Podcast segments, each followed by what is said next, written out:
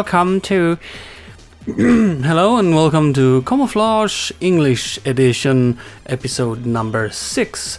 And in this episode, we will be focusing on the soundtrack for the game Rambo First Blood Part 2, composed by Martin Galway in 1985. But first, I have to give you some excuses why I haven't done an episode in a while, and that is simply because I don't know if you've heard, but it's been a really hot summer. Uh, up here in Sweden, we've had very high temperatures for many, many days in a row. In fact, in recorded history, it's never been this hot for this long. And uh, our apartment uh, basically has windows on one side. It's all on one side, which means we can't open windows to let the air through, and our apartment is very well insulated, so the heat that comes in stays in. And the man cave in which I sit to record this stuff is basically a glorified wardrobe, and it has very bad ventilation and no windows and becomes even hotter. It has been basically impossible to sit in here for half an hour. It's not been possible. We've had two fans going uh, 24 hours a day for months, and it just doesn't help. So I haven't been sitting here much, and that is simply why I haven't been doing an episode. Now, we're moving in October to a new apartment in which we can create draft with Windows, and I will get my own room, a proper room, as my man cave, and it has a window. It has a window. This is awesome. This is great. But for now, the temperature is down because of, uh, I guess, lots of rain and thunderstorms this morning, which means that I can now sit in here and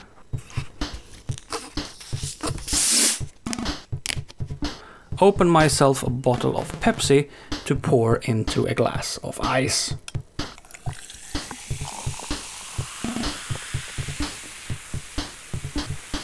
Sweet, sweet Pepsi.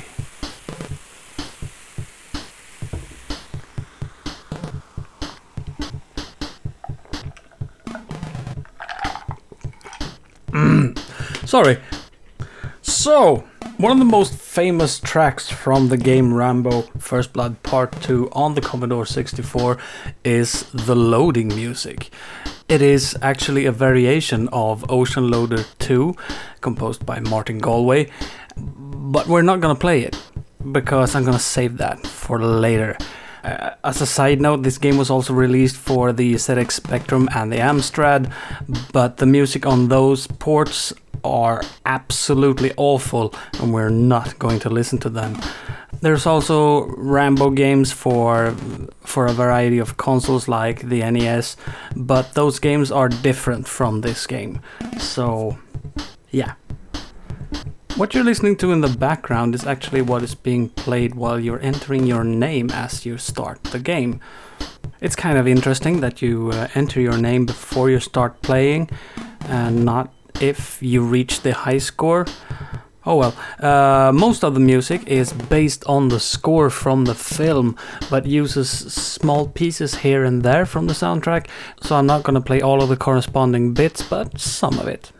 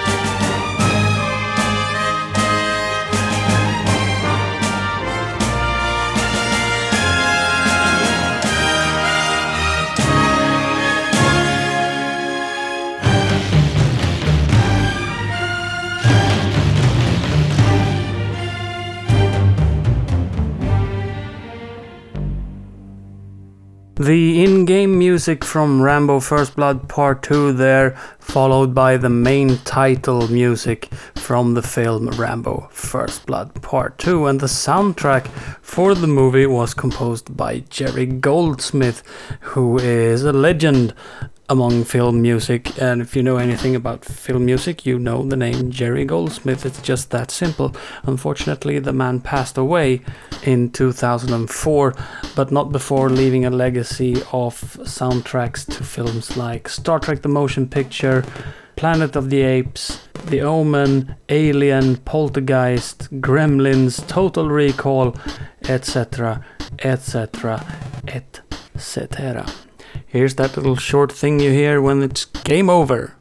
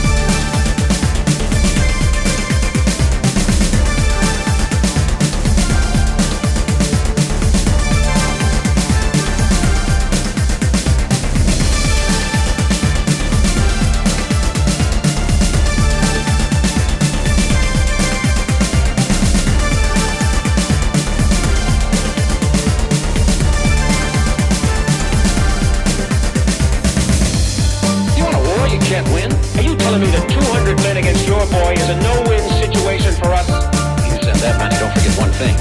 What? A good support.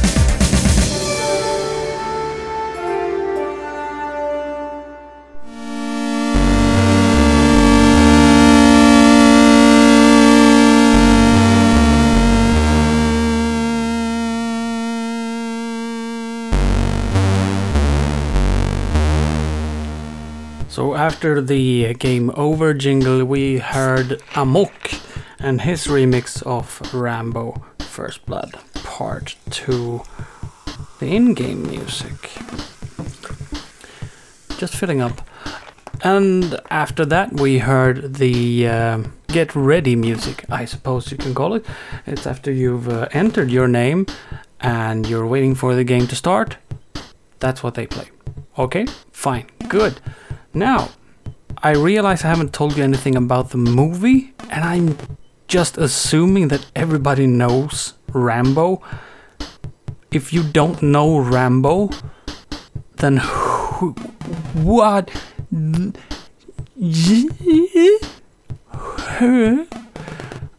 So, uh, if, if you don't know who Rambo is, just go away, find out, and come back.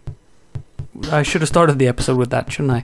Well, anyway, uh, Sylvester Stallone has a brother called Frank Stallone. He is a failed actor as well as a failed singer, and this is the beginning of that song he has on the soundtrack because I'm not I'm not playing all of it.